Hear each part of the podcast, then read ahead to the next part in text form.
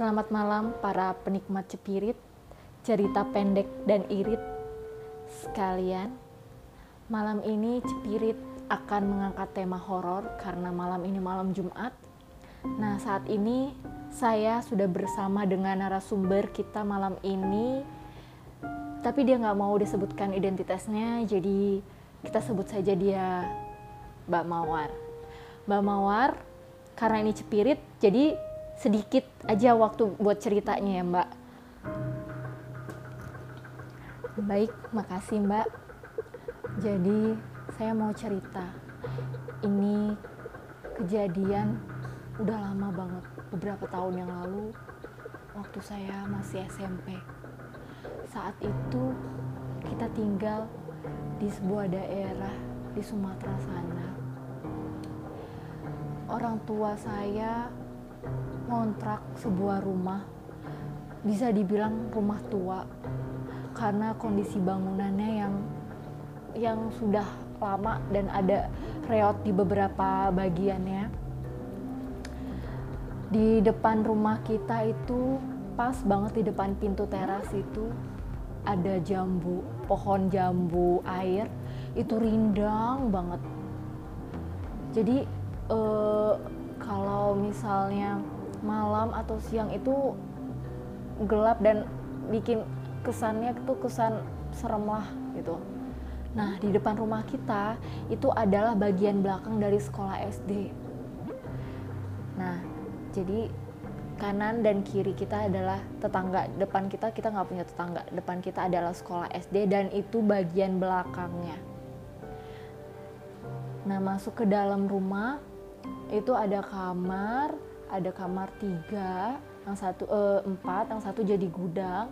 Nah di bagian belakang itu se sederetan itu ada dapur ada ruang makan ada kamar mandi terus di luarnya itu jadi kayak ada uh, apa namanya uh, masih ada bagian terbuka di belakang itu itu biasanya uh, kadang uh, mama buat nyuci piring di situ kan. Nah ada bagian terbuka di belakang terus agak ke kanannya lagi itu adalah kamar mandi.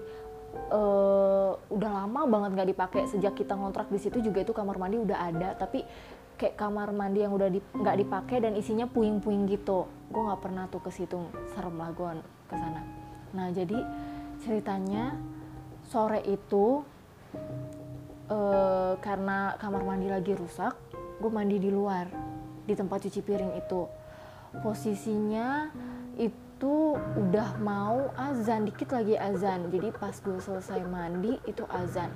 Karena azan gue sekalian aja ambil wudhu kan ambil kan ambil wudhu.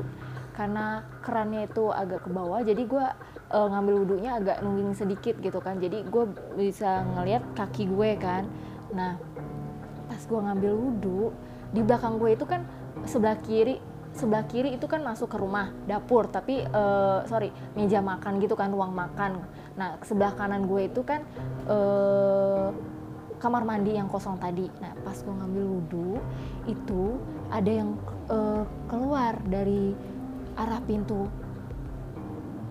meja makan.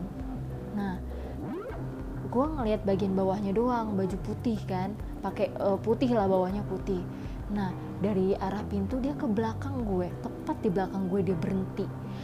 Gue tetap ambil wudhu karena gue kira itu nyokap gue. Karena kan saat itu gue berada uh, di rumah itu berdua sama dia. Gue tetap ambil wudhu. Terus abis itu dia nggak lama masuk lagi ke dalam rumah melalui pintu tadi kan. Ya udah gue sih masih santai kan. Udah selesai wudhu udah gue masuk ke dalam rumah terus gue ke arah ruang tamu gue lihat nyokap gue lagi duduk. Tahu nggak yang terjadi apa? Yang terjadi ternyata nyokap gue nggak pakai baju putih ataupun rok putih pokoknya nggak ada yang putih-putih. Nyokap gue pakai daster daster coklat gitu batik coklat. Terus gue tanya mah mama tadi ke belakang nggak? Enggak mama dari tadi di sini. Beneran mama nggak ke belakang? Enggak. Terus siapa tadi yang ke belakang? Nggak tahu. Siapa? Kan kita doang berdua. Ya ampun di situ gue lemes dong. Karena nggak ada yang di belakang. Jadi jadi gimana mbak? Saya nggak tahu lah mbak. Tadi yang di belakang saya siapa masalahnya dia tepat berdiri di belakang saya mbak. Saya ya kalau dia setan cabul gimana ya? Ya makanya mbak kalau mandi tuh jangan di tempat cuci piring di kamar mandi. Ya mbak namanya juga kamar mandinya lagi rusak. Ya udah sekian aja cerita absurd malam ini. Semoga para penikmat cepirit menikmati cepirit malam ini. Oke, sampai jumpa. thank you